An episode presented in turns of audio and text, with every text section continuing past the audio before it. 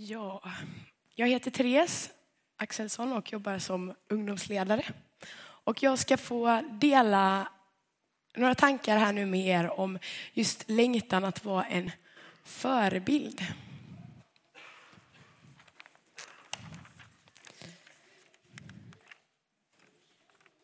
I skogsdungen gick en liten skalbagge och jämte henne gick en liten skalbaggsunge. Ungen är tydligen livrädd för att komma vilse. För han går verkligen i hasorna på sin mamma. Eller rättare sagt med huvudet tätt bakom bakkroppen. Deras ryggar glänser svartlila i solskenet och de promenerar sakta och fridfullt ut mellan grässtråna i den lilla skogsdungen. Rakt ut mot den tungt trafikerade vägen. Varken skalbaggsmamman eller ungen märker att de är på väg rakt in i en katastrof och en ofrånkomlig död. Jag kan inte se på medan det sker. Jag som har ett lite större perspektiv på deras livsväg lyfter varsamt upp dem och vänder dem helt om. Så fortsätter de sin vandring tillbaka in i skogsdungen.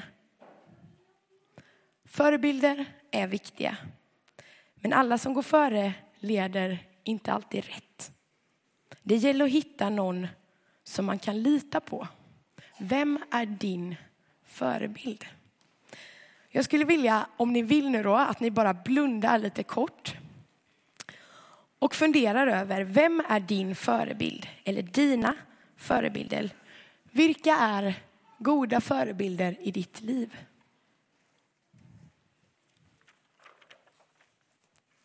Tack så mycket. Det du såg nu tror jag för kännetecknar någon som lever på ett sätt som håller. Någon som du vill följa på något sätt. Och vad är det då att vara en god förebild? Jag tror att det är att göra goda val så att andra människor också kan göra goda val. Och vi ska få se och höra lite exempel på det snart. Men någonting att ta vara på i sitt liv.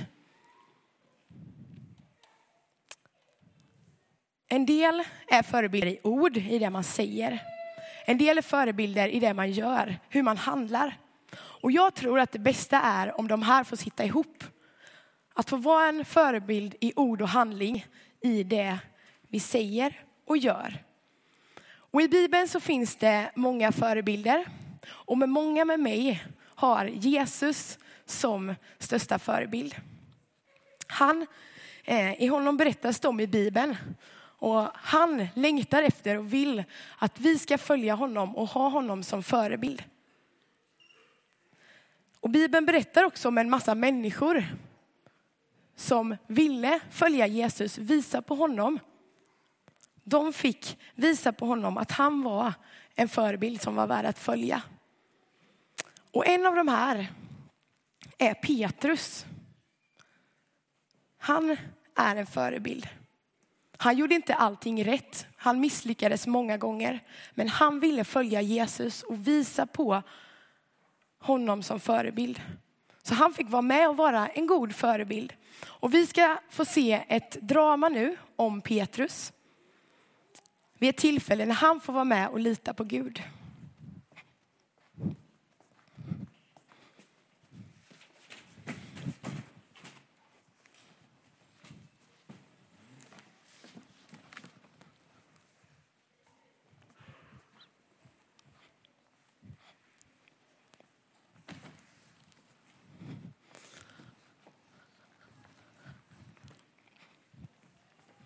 Och I det här dramat nu så har vi en eh, berättare. Och vi har Jesus som vinkar lite här. Och vi har Petrus som vinkar lite. Kan vi få en vink från Petrus? Så ja. Och så har vi lärjungarna, resten av lärjungarna här. Gott, varsågod. Sedan befallde han sina lärjungar att stiga i båten och fara i förväg till andra sidan sjön medan han skickade hem folket. Så snart han hade gjort det gick han upp på berget för att vara för sig själv och be. Där var han ensam när det blev kväll. Båten var då redan långt från land och kämpade mot vågorna eftersom att det var motvind. Strax före gryningen kom han gående till dem, gående på sjön. När lärjungarna fick se honom gå på sjön blev de förskräckta och trodde att han var en vålnad, och de skrek av rädsla. Men genast talade Jesus till dem och sa, Lugn, det är jag, var inte rädda. Petrus svarade, Herre, om det är du, så säg åt mig att komma till dig på vattnet. Han sa, Kom, och Petrus steg ur båten och gick på vattnet fram till Jesus. Men när han såg hur det blåste blev han rädd. Han började sjunka och ropade, Herre, Herre, hjälp mig! Jesus sträckte genast ut handen, grep tag i honom. Du trosvage, sa han, varför tvivlade du? De steg i båten och vinden la sig. Och de som var i båten föll ner för honom och sa, du måste vara Guds son.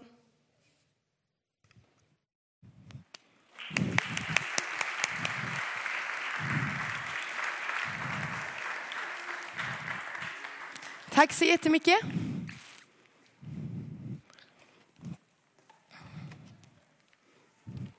Petrus här, han går ut på vattnet. Han gör ett val. Ett val att lita på Jesus. Han har honom som förebild. Och här handlar det om att lita på Jesus i stundens hetta när han tar och sätter foten ut på vattnet. Men Jesus han vill också vara en förebild i allt i Petrus liv. Inte bara när det bränner till liksom. I våra liv så vill han vara en förebild när det är jobbigt, kanske tungt, när det gäller att ta sådana här steg. Men också i allt i våra liv så vill Jesus vara våran förebild. Det är mycket som drar i oss i våra liv idag. Vi ska räcka till för mycket, vara överallt. Och det kan också hända att det kan dra oss vilse bort från Jesus som förebild. När Petrus börjar titta sig runt så blir han liksom osäker. Det är mycket som liksom tar hans fokus bort från Jesus. Men Jesus han står där redo med handen. Han sträcker ut den och Petrus får ta tag i hans hand. Jesus han vill sträcka ut handen till oss i våra liv. När det stormar, om det stormar.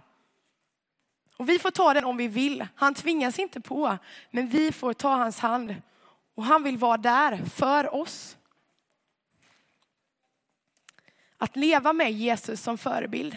Det står det också om i Filipperbrevet. Det står på många ställen, men i Filipperbrevet 2, 1-5 så står det så här. Om det alltså finns tröst genom Kristus uppmuntran från kärleken och gemenskap från anden. Om det finns ömhet och medkänsla, gör då min glädje fullkomlig genom att visa enighet. Lev i samma kärlek, eniga i tanke och sinnelag, fria från självhävdelse och fåfänga. Var ödmjuka och sätt andra högre än er själva. Tänk inte bara på ett eget bästa utan också på andras. Låt det sinnelag råda hos er som också fanns hos Kristus Jesus. När vi försöker följa Jesu exempel så blir vi förebilder för varandra som visar på honom. Alltså när vi försöker följa Jesus som exempel så blir vi förebilder för varandra som visar på honom. Jesus han är en förebild. Och Petrus, Petrus han fick erfara att Jesus är en förebild att lita på. Som sträckte ut handen. Jag tror att goda förebilder är så viktiga i våra liv. Jag tror att vi behöver vara goda förebilder. Och jag tror också att Jesus, han sätter människor i våran väg. Han är med och använder människor i vår närhet som får visa på honom i ord och handling. Så att vi kan följa och få vara goda förebilder. Och nu tänkte jag dela en berättelse med er om två goda förebilder i mitt liv som jag vill följa. som jag ser upp till. Och det är Ann och Koffe. Och det var nämligen så här, de berättade detta för mig. Det var så här, de var ute en söndag och skulle åka iväg med några kompisar. Men de skulle samåka. Så de möttes upp i Torsvik. Och stannade där på den samåkningsparkeringen. När de kom till den här parkeringen så såg de att det var en bil som stod med öppen bagagelucka. Och de tänkte det där är ju lite konstigt för de såg ingen i närheten. Men de tänkte att ah, det är väl någon som bara är iväg och, och hämtar något på macken eller strax kommer tillbaka. Så de åkte vidare och var iväg över dagen. Och så framåt eftermiddagen så kommer de tillbaka för att då hämta sin bil. Men då ser de att den här bilen står kvar. Bagageluckan är fortfarande öppen och de ser ingen där. Och nu börjar de undra lite. Och de agerar. De tar registreringsnumret och skickar iväg det och får ett namn tillbaka. Och de börjar googla lite på det här namnet och försöka hitta olika telefonnummer. De ringer lite olika personer och kommer till slut fram till rätt person då för det här namnet som ägde den här bilen. Och han låter minst sagt förvånad. Han berättar att det är hans son som har lånat bilen för att åka och döma en innebandymatch i Linköping. Ehm, och Koffe han börjar gå runt där och kolla lite i bilen och han ser att det ligger i baksätet en, en korg med en innebandyboll och, och han går fram och hör att radion är på och att nyckeln sitter i. Och den här pappan då, han blir tvungen att ringa till sin son. Och han ringer honom och frågar då sonen om det här stämmer och sonen börjar leta liksom och nej, han har ju inga nycklar i sina fickor eller någonstans där i den bilen som han åker med då. Så han inser ju att han har ju åkt ifrån bilen där. Och när pappan pratar med sonen då så är de på väg tillbaka men det är fortfarande någon timme kvar innan de är framme vid bilen då vid den här parkeringen. Så det, det slutar så att Ann och Koffe får låsa bilen, ta med nyckeln, gå in på macken och lämna in nyckeln och ge ett signalement. Då. De på macken kunde ju inte eh, liksom, eh, ta ansvar för den här nyckeln men de fick ändå lämna in den och ge ett signalement och så kunde han få hämta ut nyckeln sen. Och när jag berättar det här så kanske du tänker Oj, hur kunde den här bilen stå i Torsvik en hel dag med öppen bagagelucka, ingen där, utan att någon gjorde något med den här bilen? För det är hur många som helst som passerar där. Eller du kanske tänker, hur kunde sonen glömma nyckeln i bilen öppen? Hur svårt kan det vara? Eh, ja, jag håller med, det är helt fantastiskt på ett sätt. Ehm, och eh, det jag vill komma till här, det är att kanske jag, kanske du, en del människor, kanske många människor hade tänkt, oj där står en bil, det är inte min, det är inte min business, men det var ju tråkigt att det verkar som att någon bara lämnat den så.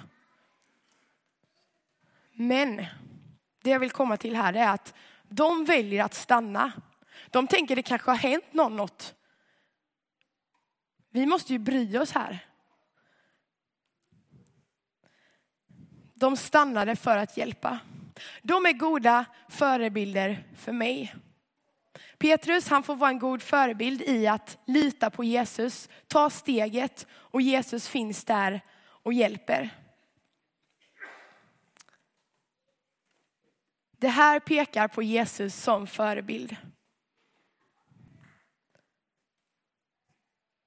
Det är viktigt med goda förebilder i våra liv. Och jag tror att vi behöver vara goda förebilder för andra. Vad är din längtan? Vem är din goda förebild?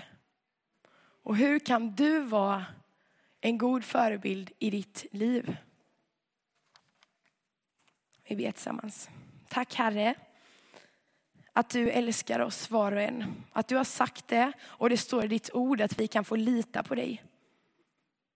Tack att du är den du är. Att du är förebild och att vi får ha dig som förebild, Herre. Jag ber för var och en som sitter här. Du vet vilka förebilder vi har i våra liv och, och de förebilder vi får vara. Och jag ber verkligen att vi skulle få ha goda förebilder och vara goda förebilder. Tack Herre att du älskar oss. Amen.